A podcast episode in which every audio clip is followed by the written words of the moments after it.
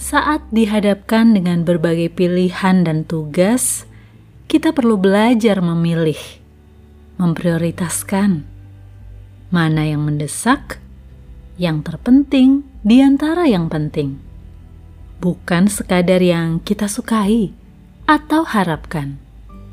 Mengutamakan kepentingan banyak pihak ketimbang pribadi perlu kedewasaan dan kebijaksanaan hanya orang dewasa yang bisa, bukan sekadar usia tua.